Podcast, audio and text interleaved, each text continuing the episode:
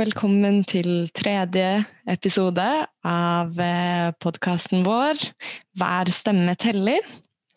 Jeg heter fortsatt Ingrid og er fremdeles her sammen med deg, Reidar. Ja, veldig hyggelig å være tilbake enda en gang. Vi klarer å møtes hver uke, det er veldig fint. Ja, men eh, nå, til forskjell fra forrige uke, så sitter vi jo faktisk hjemme og ikke på samme kontor. Ja, det er utrolig, utrolig kjedelig at uh, koronasituasjonen har blitt såpass uh, eh, forverra og at såpass mange flere er smitta. Så får vi bare håpe at vi klarer å snu, snu den utviklingen igjen snart, og at alle er med på dugnaden. Men uh, det er fryktelig stusslig å ikke få møte hverandre og ikke få være på, på kontoret. Men uh, men eh, vi har jo i hvert fall Zoom, og vi møtes jo uansett på Zoom enten vi er på kontoret eller ikke til disse innspillingene. Så eh, akkurat eh, for eh, podkasten sin del så er det vel eh, samme, samme, nivå som før. Mm.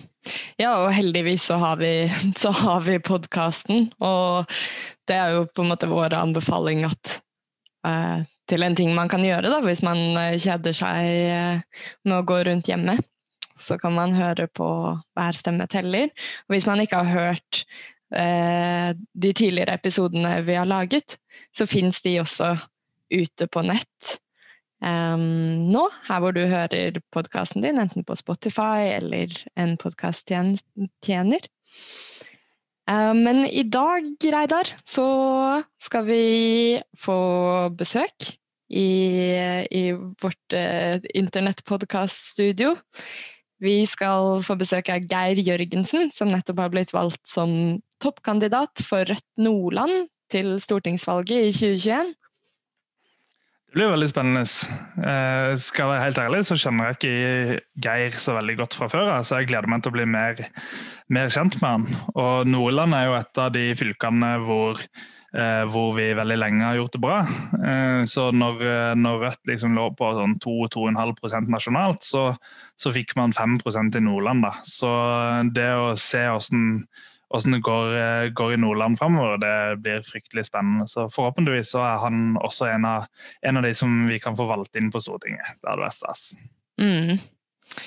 Og så skal vi også snakke litt om hva som har skjedd eh, den siste uka, både ute i verden, men eh, også her hjemme og i partiet vårt.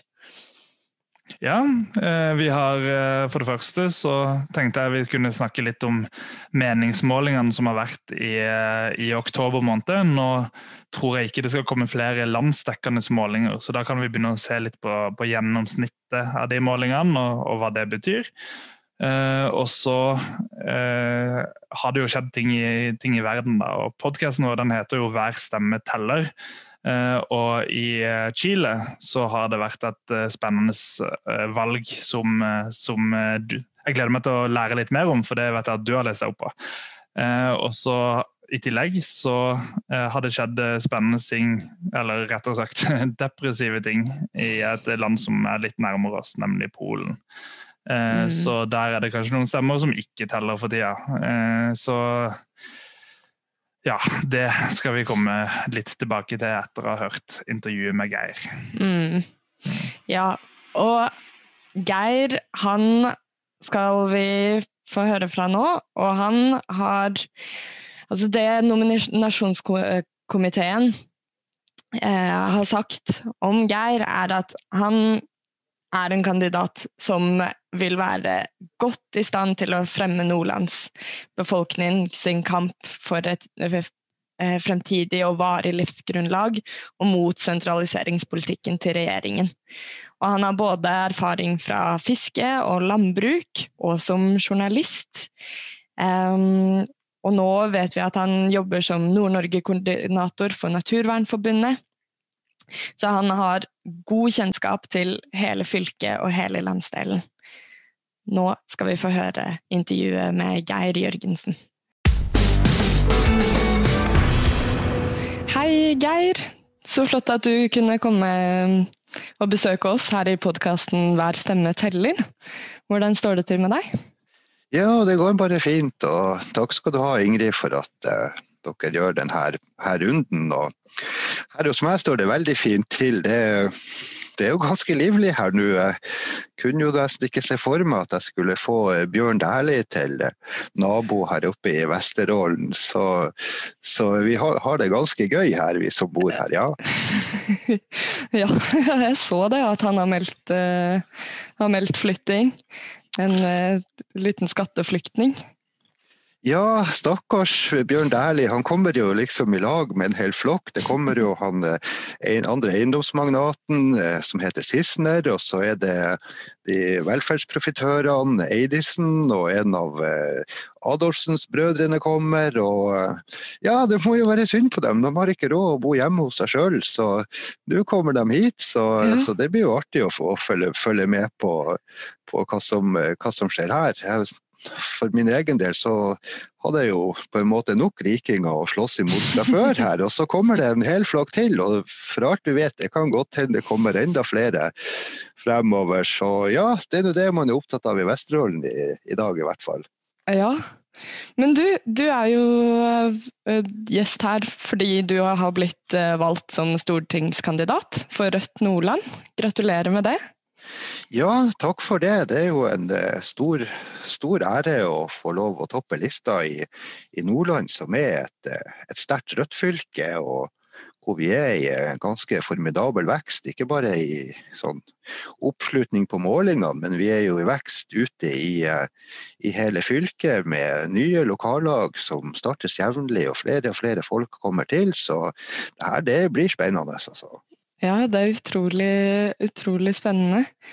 Men du, Geir, kan ikke du fortelle oss eh, litt mer om hvem du er? Hvor er det, hvor, hvor er det du bor? Ja, jeg bor i Hadsel i Vesterålen. Det er jo en eh, industrikommune egentlig som er eh, helt avhengig av, uh, av, havet sine ressurser. Vi er en sånn 8500 mennesker som bor her.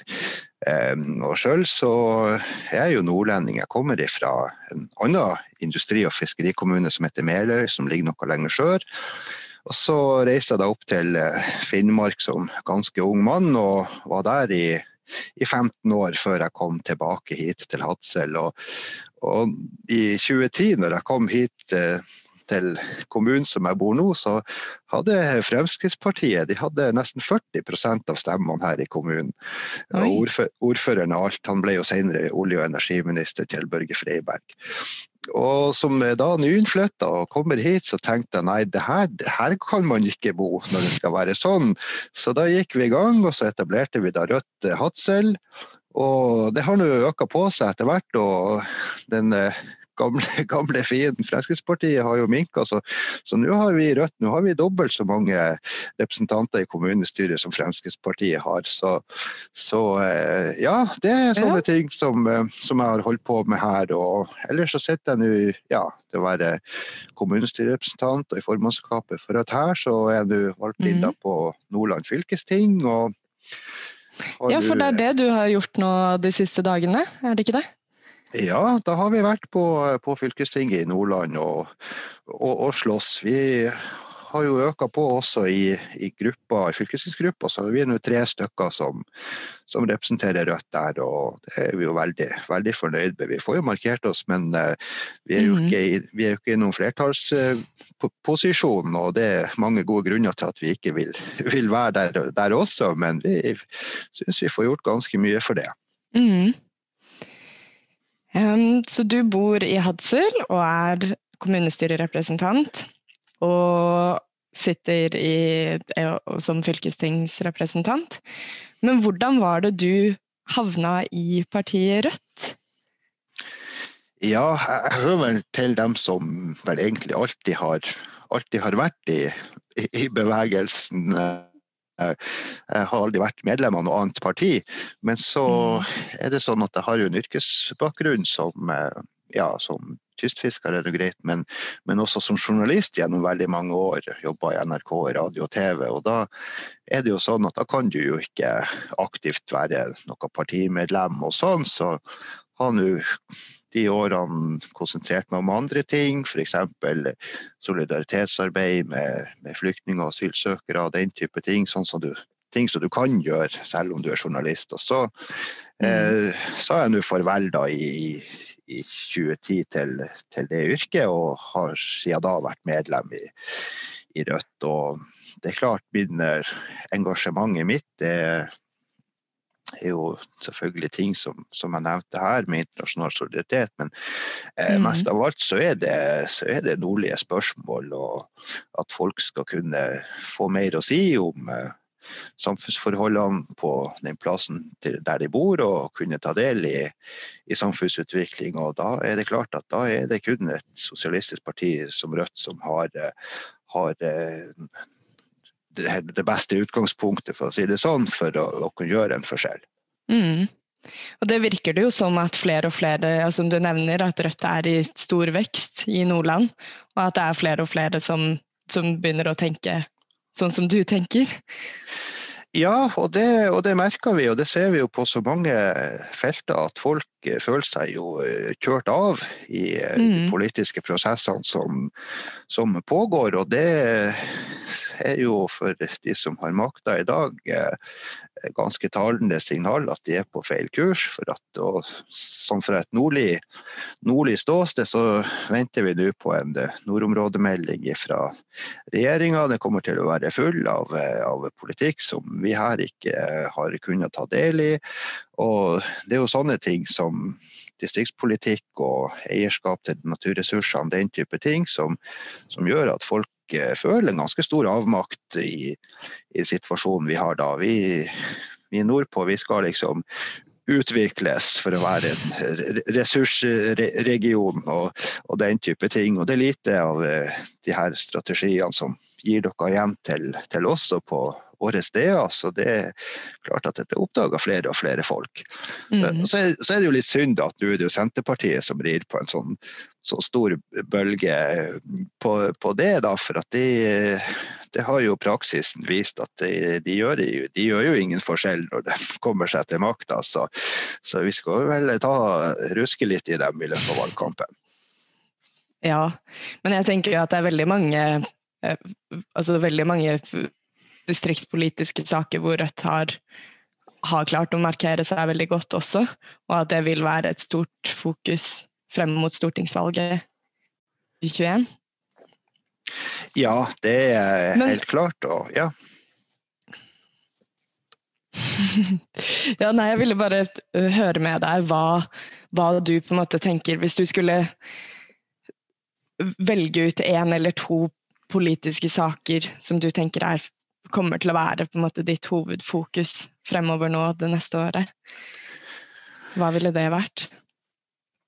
Ja, det er jo mange, er jo mange saker, men de henger, de henger sammen. Og, og mm. det har vi jo vi eh, i Rødt et ganske tydelig pro program på Forskjells-Norge.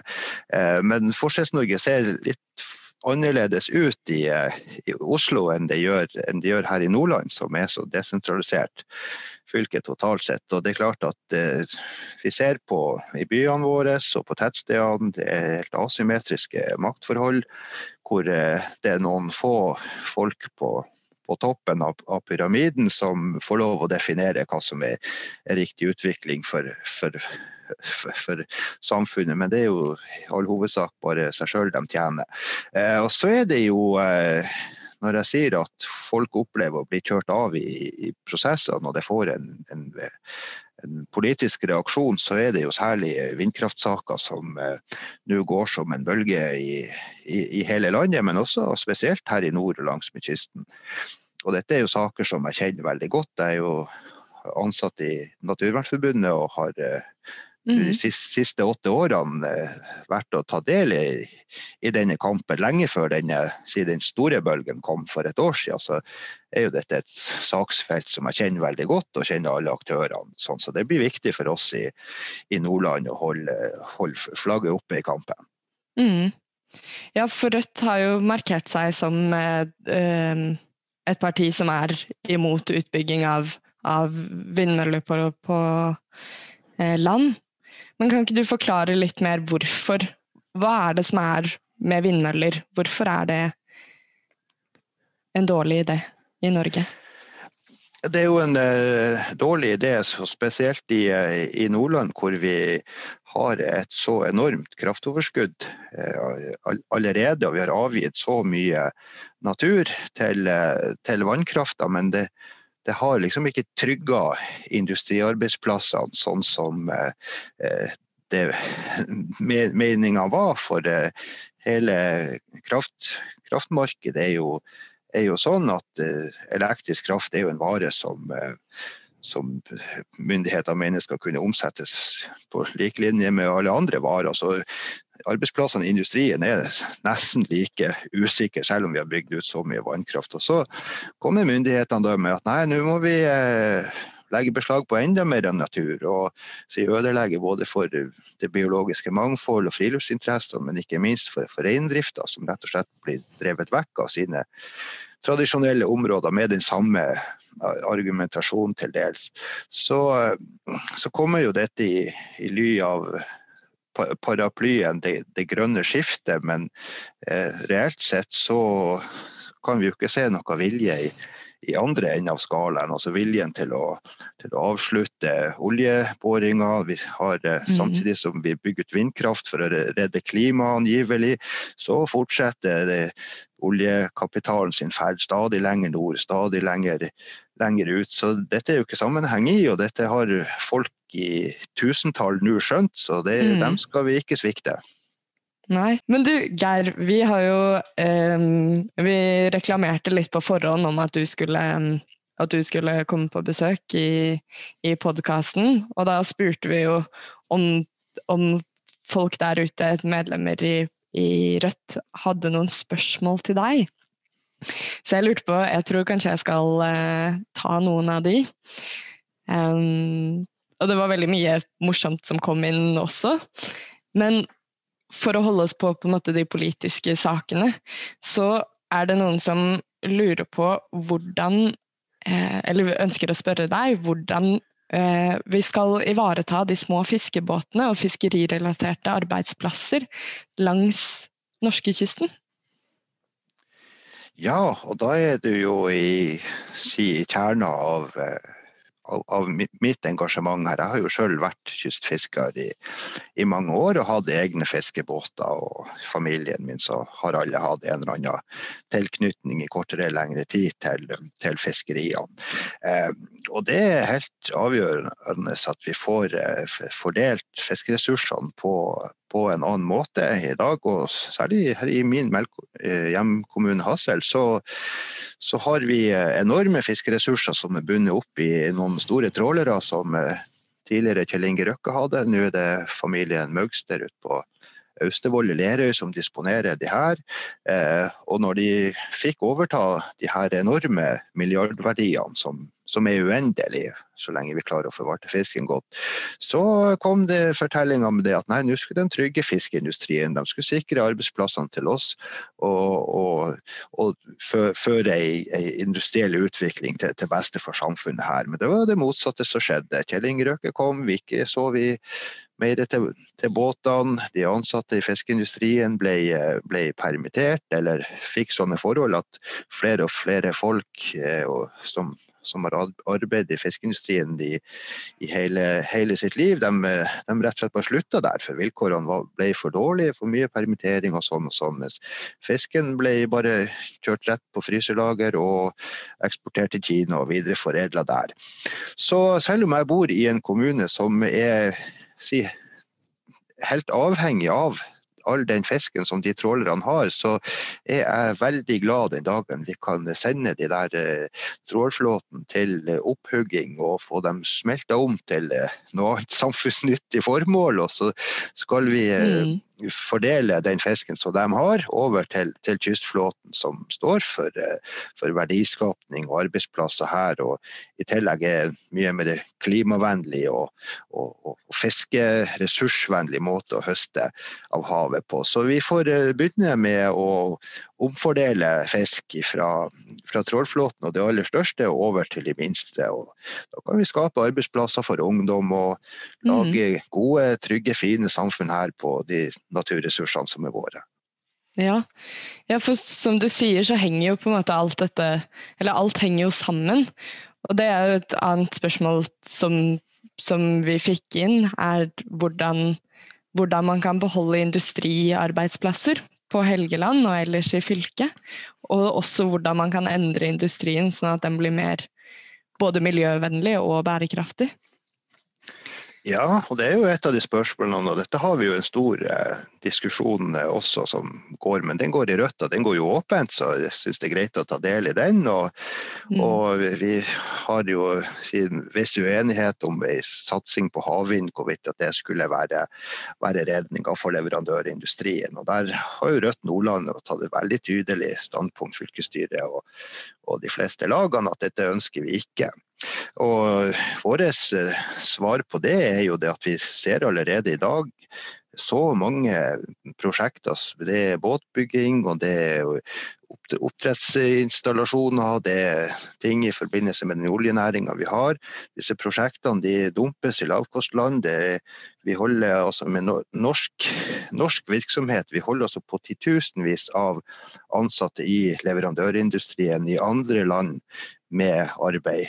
Eh, og det, det, det, er der vi må begynne. Vi må hente hjem de prosjektene som eh, i dag dumpes i lavkostland. og Da må vi også si at ja, vi lever i et konkurransesamfunn, og det er kanskje billigere å, å eh, få det gjort i utlandet. Men eh, det er nok ikke helt sånn, for det viser seg det at mange av disse enten det er båter eller oljerigger eller hva som kommer, så er det gjort så mye dårlig arbeid og så lettvinte løsninger at det blir stort sett like dyrt som om man skulle ha bygd i Norge fra, fra starten av. Og I tillegg vet vi jo at eh, arbeidsforholdene på mange av skipsverftene i Kina, Korea og Polen, det, det, kan vi liksom ikke være bekjent av. At de mm. aller rikeste i, i, Norge, de mest solide bedriftene, får lov å eh, makse opp sin egen profitt og, mm. og, og dumpe eh, arbeidsplassene i lavkostland. Så dette er mye mye viktigere å få orden på det, fremfor å komme med en havvindsatsing som vi vet vil, vil gå utover fiskerinæringa. Så, så, det er der vi må begynne. og der, I Rødt Nordland så er vi innstilt på å kjempe for, for vårt syn. Mm.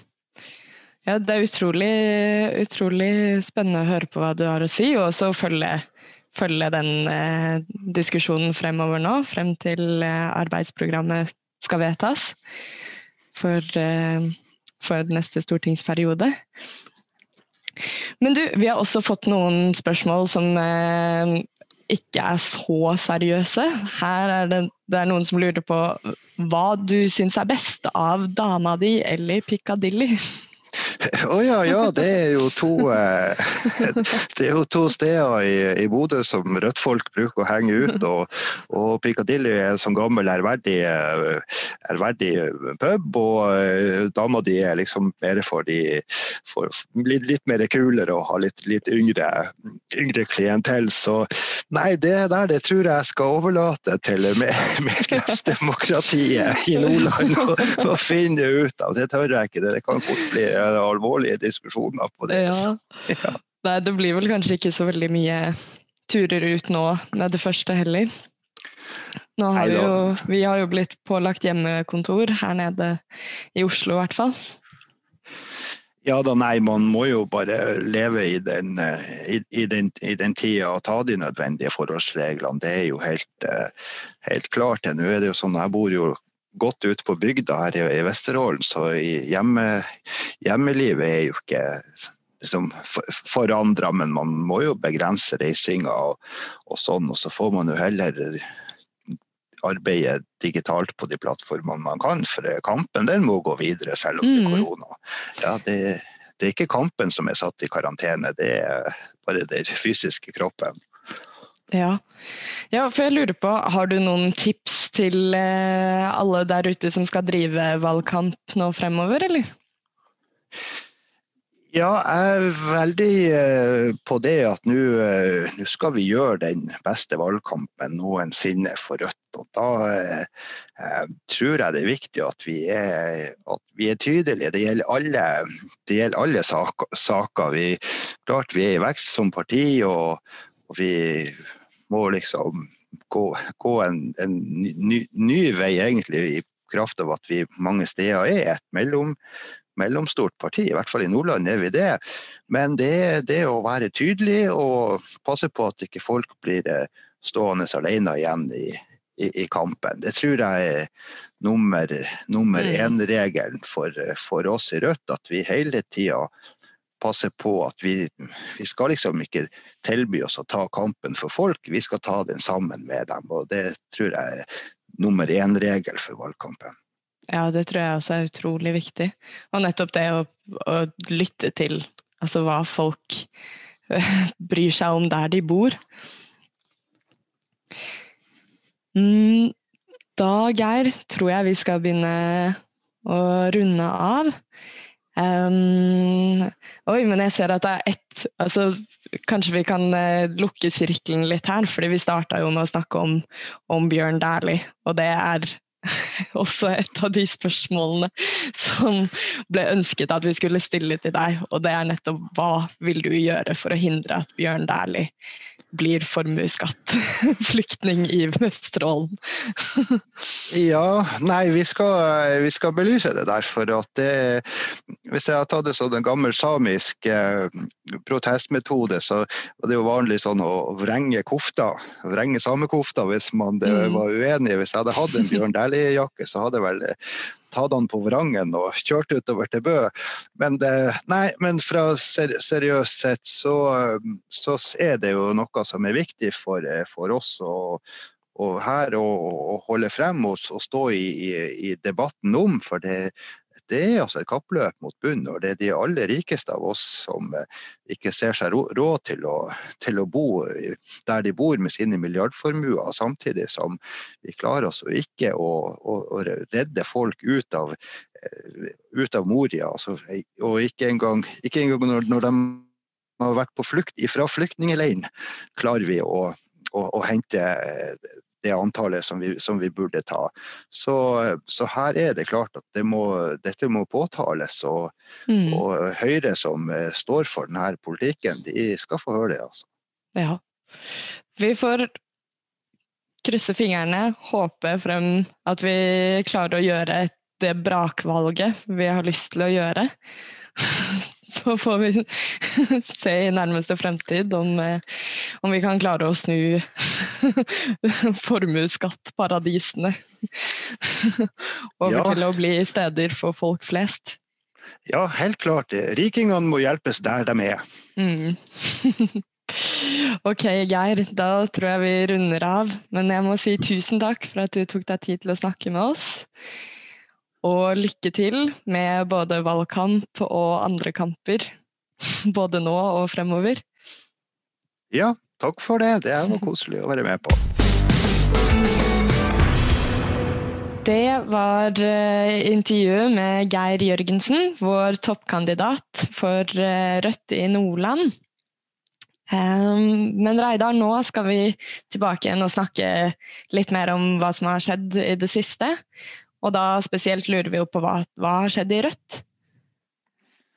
Ja, nei, Det skjer jo hele tida ting, ting, i Rødt, men uh, siden sist så har det ikke vært så veldig mange uh, nominasjonsmøter. Uh, men det har vært ett, og det har vært i Oppland. Det har vært etter at vi har spilt inn, så jeg kan ikke si hvem, hvem som har blitt kandidat der. Men, men, det får vi komme tilbake til i, i seinere sendinger. Eh, men eh, utover det så har eh, Bjørnar Moxnes vært på en turné hvor han har reist fra, eh, fra fylke til fylke på Vestlandet og besøkt eh, områder hvor man kjemper mot, eh, mot store vind, vindkraftutbygginger. Så han har bl.a. vært på Frøya, hvor, hvor, det møtte mange folk og protesterte sammen når han holdt et åpent møte. Eh, mm. Så det at eh, Rødt er et tydelig parti mot, eh, mot disse enorme vindkraftparkene, det, det, er det ingen tvil om, i hvert fall. Nei, det er jo en, en, stor og pågående kamp som jeg vet at veldig mange i partiet er, er opptatt av. Men vi lurer jo også på, Reidar, fordi du eh, følger jo med på meningsmålinger. Og der har det jo også kommet noen oppdateringer, har det ikke det? Jo, det har det. Så jeg tenkte å, snakke om to ulike ting der. For det første så har det kommet en, en måling for Oslo. Eh, som er interessant. Eh, og så eh, tenkte jeg også å se litt på eh, oktobermålingene og snittet på, på, landsmålingene der. Så For å begynne med, med Oslo, så, så, kom det en måling utført av NRK hvor Rødt fikk 7,2% det er det samme wow. som, som, i kommunevalget sist. Mm. Eh, som eh, akkurat, hvis stemmene blir fordelt sånn som i denne målinga, så får vi akkurat inn to Eh, to inn på Stortinget fra Oslo. Eh, så det vil si at Bjørnar dobler seg fra Oslo. Eh, så, så det Det lover godt. Det lover veldig godt. Men det er også, og her kommer vi tilbake til hver stemme teller, vet du. Fordi, mm. fordi sånn i utgangspunktet og i det regnestykket som, som jeg sitter og jobber ut ifra, så må Rødt få 8% i Oslo for å være helt sikre på å få inn to. Så eh, når, hvis vi får 7,2, så er vi avhengig av at de andre partiene får så og så mange stemmer for å ikke ta det mandatet fra oss. Mm. Eh, så på den målinga for Oslo så hadde vi 200 stemmers margin. Hvis, hadde, hvis 200 av de som stemte på Rødt, ikke hadde stemt Rødt likevel, så er det SV som hadde fått det, det mandatet. Så her kjemper vi, sånn det ser ut akkurat nå, så kjemper vi med SV om det det mandatet der. Ja, det er virkelig hårfine marginer hvis det er 200 stemmer mm. det står på. Ikke sant. Og eh, det er vel noe sånn som 25 000 stemmer eller noe vi, vi får i Oslo med 7,2% Så kanskje enda litt mer også. Så de 200 stemmene det er en veldig liten del av det. Mm. Eh, så det viser bare hvor viktig det er å stå på til siste slutt. Eh, så, så det blir forferdelig spennende. Men eh, forhåpentligvis og Jeg har jo egentlig troa på at vi kan vokse enda mer i Oslo. Så, så hvis vi bare gjør en skikkelig rå eh, innsats eh, fram til valget, så ser jeg ikke bort ifra at vi kan være trygge på de to hvis vi jobber skikkelig hardt. Og så er det ikke helt umulig å også få eh, få et utjevningsmandat fra Oslo hvis man gjør det skikkelig skarpt. Eh, mm. Men, eh, men det, det, er en lang vei å gå dit, sånn målingene ser ut nå. Men, eh, men, eh, men det er kanskje en liten oppfordring da, til mm. de som hører på. Hvis du, hvis du kjeder deg nå i, i hjemmekontortiden, så kan man eh, sende en liten melding til noen venner eller noen bekjente som bor i Oslo og snakke litt politikk med de? Mm, absolutt. og Det er bare å gjenta det. Altså, hvis de 10 000 medlemmene våre, hvis alle dere som lytter, eh, lytter til oss nå, er med og snakker med vennene sine, hvis alle 10 000 kan rekruttere ti hver f.eks., da har vi kommet et eh, godt stykke på vei allerede. Eh, så, så det, vi, vi, er flere medlemmer enn noensinne. Hvis alle som er med i Rødt, eh, er med i denne bevegelsen, gjør jobben som skal til, så da klarer vi det. Da når vi målene. Da klarer vi å få, få 7, 8, 9 inn på Stortinget for Rødt, og vi klarer å kaste denne blå-grå regjeringa ut ut av regjeringskontorene. Ja, det skal vi klare. Mm. Men sa du, var det en annen eh, måling du også hadde bitt deg merke ved denne uka? Ja, eh, nå går målingene veldig opp og ned, de nasjonale målingene. og Det ser du f.eks. med NRK, hvor det kom en eh, solid måling for oss i slutten av september. Og mhm. så kom det en ny måling nå i slutten av oktober som plutselig var veldig dårlig igjen. Så de, de spretter veldig opp og ned. Så det gikk fra 5,1 tror jeg det var, til nå 3,8 eller 3,7. Eh, så, oh ja, så de målingene går veldig opp og ned. og Det er derfor jeg er veldig opptatt av for det første, så må du ikke legge for mye vekt på de målingene, på enkeltmålinger, fordi, eh, fordi det er så mange feil som kan skje ved en enkeltmåling. Da. Eh, så det som er lurt, det er å se på eh, snittet av målingene. Så det vi gjør eh, på kontoret, det er at vi ser på snittet av målingene hver, hver måned. og da ser du litt tydeligere en trend, om det går bedre enn før eller dårligere enn før. Og eh, mm. hvis jeg husker riktig nå, så ligger vi på 4,4% som snitt eh, i, eh, i oktober, og det er opp fra 4,1 i september. Så det er opp 0,3 da. Eh, så det viser jo en trend som, eh, som, er positiv for oss, mm. Eh, men som på ingen måte er sånn Nå er ting løst. Langt derifra. Eh, så vi ligger jo på en måte og vipper på, på liksom noen, noen tiende, tiendels prosentpoeng eh, over sperregrensa. Ja. Så det, det, betyr jo at vi, vi, er helt på smerteterskelen da, og må jobbe oss opp for å komme, komme lenger opp enn det. Mm. Men en positiv trend gir jo absolutt um, pågangsmot til å fortsette. Absolutt. Og 4,4 er jo det er godt over den eh, magiske sperregrensa. Absolutt. Så, så det, gir, det, gir, grunn til håp og optimisme. Og et par av målingene som har vært, har jo vært veldig gode. Eh, så vi fikk vel en TV 2-måling på over 6% Så, så det, er, det er grunn, til å, grunn, til optimisme, men, eh, men, eh, ingen grunn til å hvile på laurbærene. Langt, langt, langt derifra. Så, så, det er altså situasjonen med, med målingene per, per dags dato. Så blir det spennende å se den videre utviklinga når november kommer. Mm. Så da kan man vente det at når i siste episode vi skal spille inn i november, da prøver vi å gjøre en liten sammenligning og se hvordan, hva, hva som har, har, skjedd i løpet av de fire kommende ukene. Mm. Det, det, gjør vi.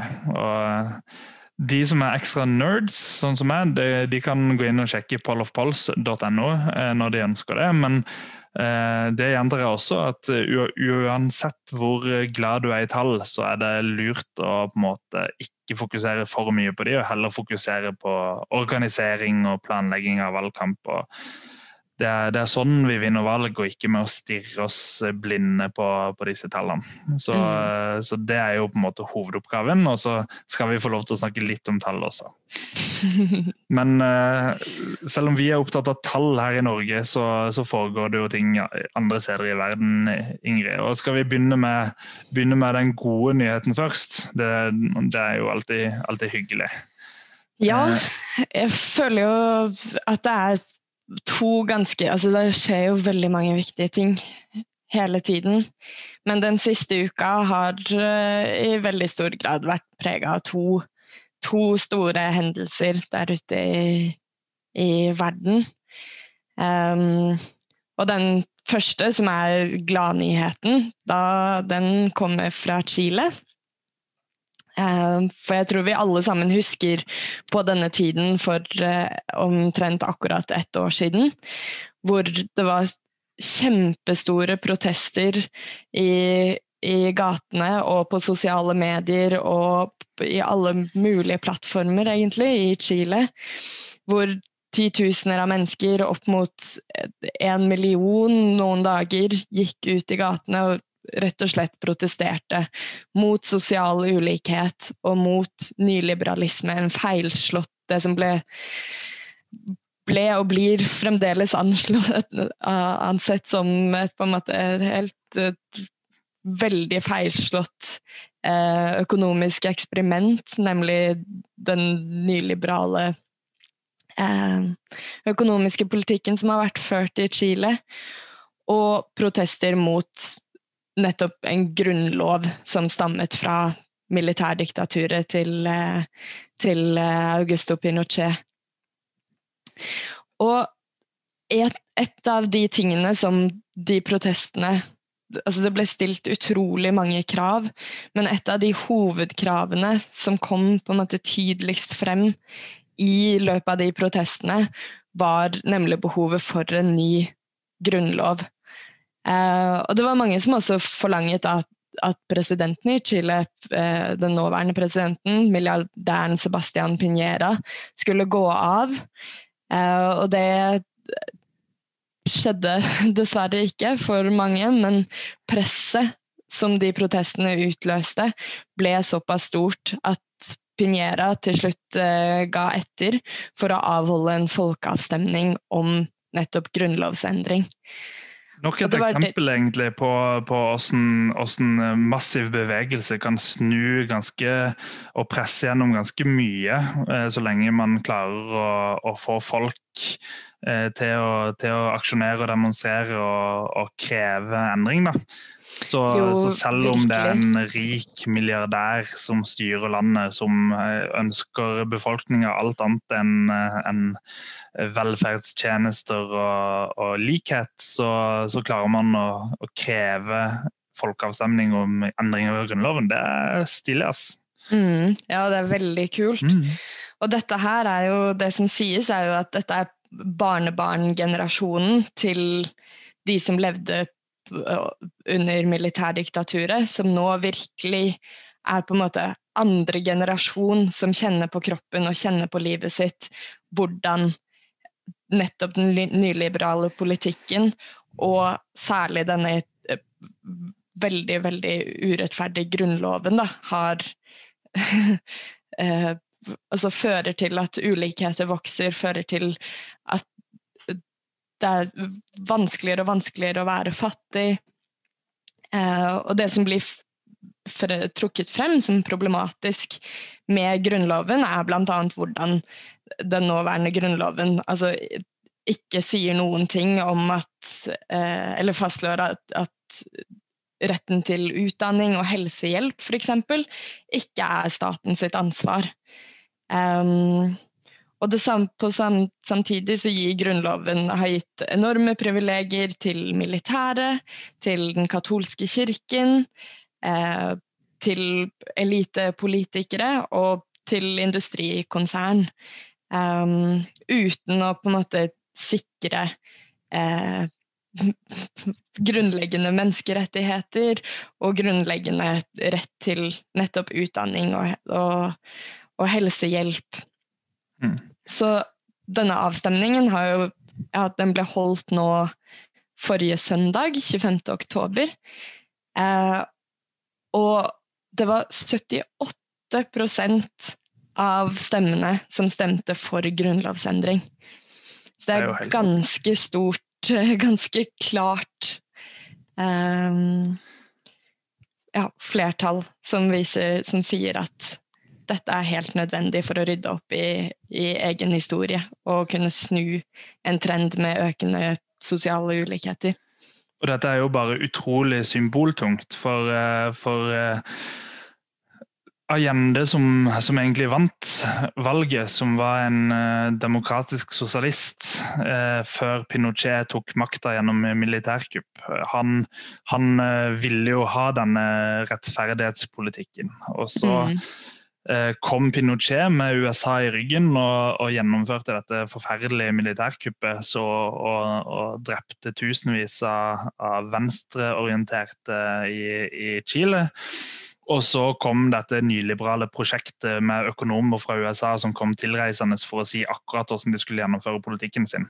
Og, og det har ført til elendighet i tiår, og så klarer man nå å virkelig slå tilbake. Så Chile var vel på en måte for disse nyliberale økonomene fra det som kalles for Chicago-skolen, det, det, var liksom forsøksprosjektet deres. Og nå har man klart å knuse forsøksprosjektet. Det er mm. rått, altså. Mm. Ja, og det er jo også utrolig at Chile har vært det eneste landet i Latin-Amerika som fremdeles har en grunnlov som ble skrevet under et diktatur. Og det dette valget viser nå også, som flere kommenterer, er jo nettopp denne symboltungheten. Og folk sier at dette vitner om en måte en slags sånn folkelig avvisning av egentlig hele det gjeldende politiske systemet og alle landets politiske partier som frem til nå har håndhevet og praktisert Pinochet sin, sin grunnlov, og som også har argumentert for at det er nettopp den grunnloven og, eh, og, en nyliberal politikk som har ført til, til økonomisk vekst i landet de siste 30 årene. Men som vi også vet, så har det også ført til enorme økonomiske kriser, og nettopp en, altså et veldig sterkt voksende eh, strekk i laget mellom de som har mest og de som har minst. Mm. Ja, nei, Det er veldig gode nyheter fra Chile at de nå har klart å, å både gjennomføre avstemninger, at det har gått såpass eh, bra. Og at mm. eh, nå, nå, har man vært nødt til å høre på alle disse stemmene i, i Chile som ønsker forandring. Så det er en veldig ja. god nyhet. Men skal vi gå over til den, eh, den eh, litt mindre gode nyheten?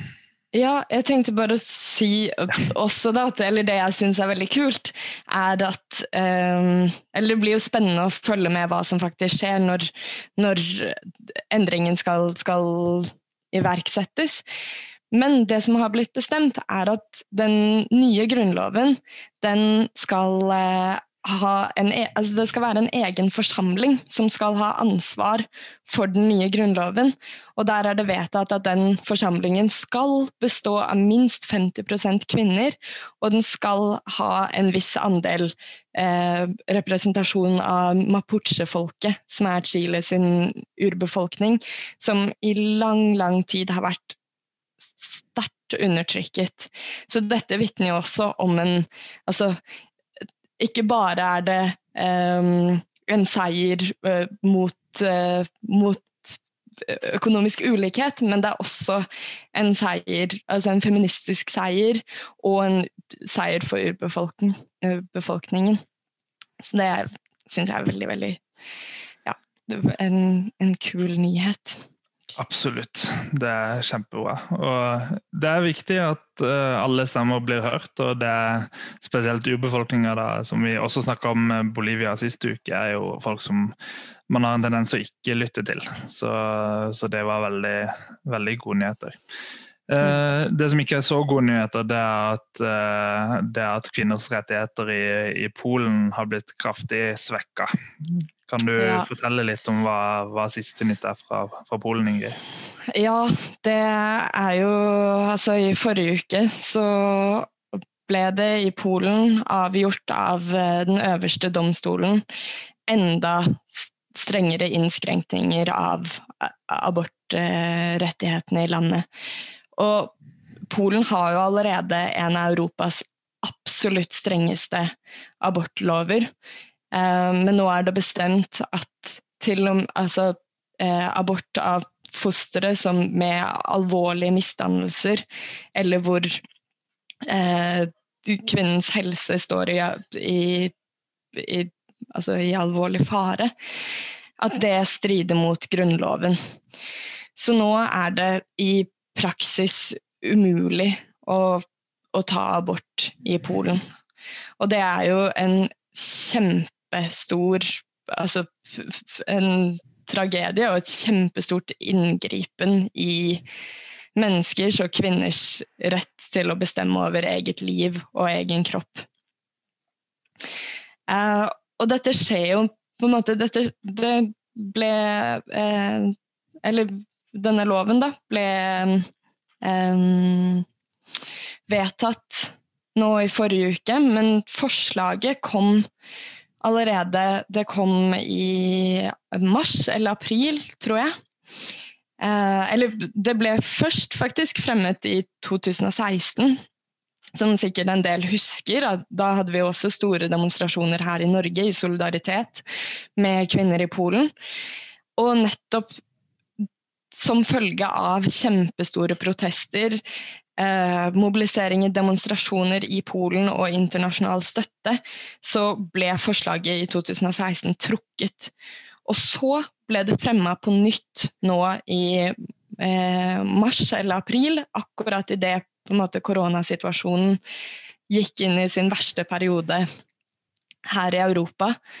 Um, og hvor eh, regjeringspartiet, altså Lov- og rett Rettferdighetspartiet, som de kaller seg, um, gjorde det uh, altså, egentlig ulovlig å gå ut og demonstrere og protestere. Så det som sies, altså det er jo flere aktivister og menneskerettighetsorganisasjoner som mener at regjeringspartiet rett og slett har utnytta smittesituasjonen til å gjennomføre disse egentlig veldig kontroversielle lovendringene. Eh, nettopp fordi man kan, man kan forby å demonstrere, eller forby folk å stå opp mot, mot lovendringen. Det er jo forferdelig skummelt uh, at, uh, at, man bruker en, en, et virus som, som covid-19 til til å gjennomføre sånne type tiltak og jeg var jo skeptisk også, også, i Norge når det var snakk om at man kanskje ikke skulle få lov til å gjennomføre demonstrasjoner, for det er såpass viktig for, for demokrati at man skal ha muligheten, samtidig som det er viktig å ta alle smittevernhensyn og sånn. Men det å, det å begynne å si at uh, man ikke kan samle seg for å demonstrere, da, da begynner man å rokke ved, ved demokratiet. og mm og Eksempelet i Polen tyder på at det virkelig går an å utnytte det, som er veldig veldig skummelt. Og, ja. og det virker på meg som at Polen er veldig delt nå. Eh, mm. mellom, for, for, Det var jo valg for ikke så lenge siden, og da var det jo et progressivt parti også som gjorde det ganske bra, men som, som ikke klarte å, å få flertall. Eh, sånn at det på en måte er sånn flertallsdiktatur nå som presser gjennom uh, kvinnefiendtlig politikk på, mm. på, de som ikke er så langt unna flertallet, de også. Og det er jo tragisk. Mm. Ja, men heldigvis så ser vi jo at, at, det er, at, det er, mange som ikke er villige til å gi opp nettopp sin demokratiske rett til å, til å si ifra, og til å la seg seg bli hørt. Så nå, helt siden vedtaket gikk igjennom, så har det vært daglige store mobiliseringer og store demonstrasjoner i, i over hele Polen. Og også støtte, støttemobiliseringer rundt om i Europa og i verden. Og i går var det, eh, var det faktisk generalstreik mot dette lovforslaget. Så det kan jo hende. Det, vi må jo på en måte følge med og håpe kanskje vi kan se til, til um, gladnyheten fra Chile. Og se hvordan det faktisk er mulig å få snudd politikk gjennom en folkelig mobilisering. Og vi her fra Norge må jo absolutt stå i solidaritet med polske kvinner og hele den polske befolkningen. Det gjelder jo ikke bare kvinner, ikke sant? det gjelder jo virkelig hele samfunnet. Absolutt. Så vi i Hver stemme teller, vi sender i hvert fall hilsener og varme tanker til, til de som demonstrerer nå i, i, Polen. Og kvinners rettigheter er ikke noe man kan gjete på, så jeg håper at, håper at, eh, at eh, mobiliseringa fører fram. Mm. Mm. Men Reidar, nå tror jeg vi begynner å nærme oss eh, slutten for denne gangen også. Ja, det er alltid mye å snakke om, da. Eh, både mm. for oss og, og, hyggelig å høre, høre, Geir Jørgensen også i dag. Så det er veldig ja. stas. Neste uke så får vi nytt besøk. Kan du gjette hvem, eh, hvem vi får besøk av da? Har vi fått svar nå? Får vi besøk av Se her? Seher Aydar kommer, kommer på besøk til oss. Det er, det er første vara til Stortinget. Hun er den eneste som har møtt eh, for eh, Rødt på Stortinget, bortsett fra Bjørnar Moxnes i denne perioden. Eh, så når Bjørnar er hjemme med sykt barn, så får hun lov til å møte. Men hun er i tillegg til å være vara, så jobber hun også som rådgiver på Stortinget og eh, vet hva det er som foregår i Stortingets korridorer. Så vi gleder oss til å høre mer om, eh, om hva Rødt jobber med på Stortinget om dagen. Så det får vi vite mer om neste uke. Det blir stas. Og vi kan minne om at fremdeles er, hvis det er noe du som hører på sitter og tenker at du gjerne skulle lære mer om, eller noen eh, du skulle ha hørt eh, snakke, eller et tema som du har lyst til å bli eh, vite mer om, som Rødt jobber med, så går det fortsatt an å sende en mail til ingrid.roet.no. Vi tar veldig gjerne imot tips. All right. Ok, men da høres vi neste uke. Det gjør vi. Takk, Takk for i dag. For i dag.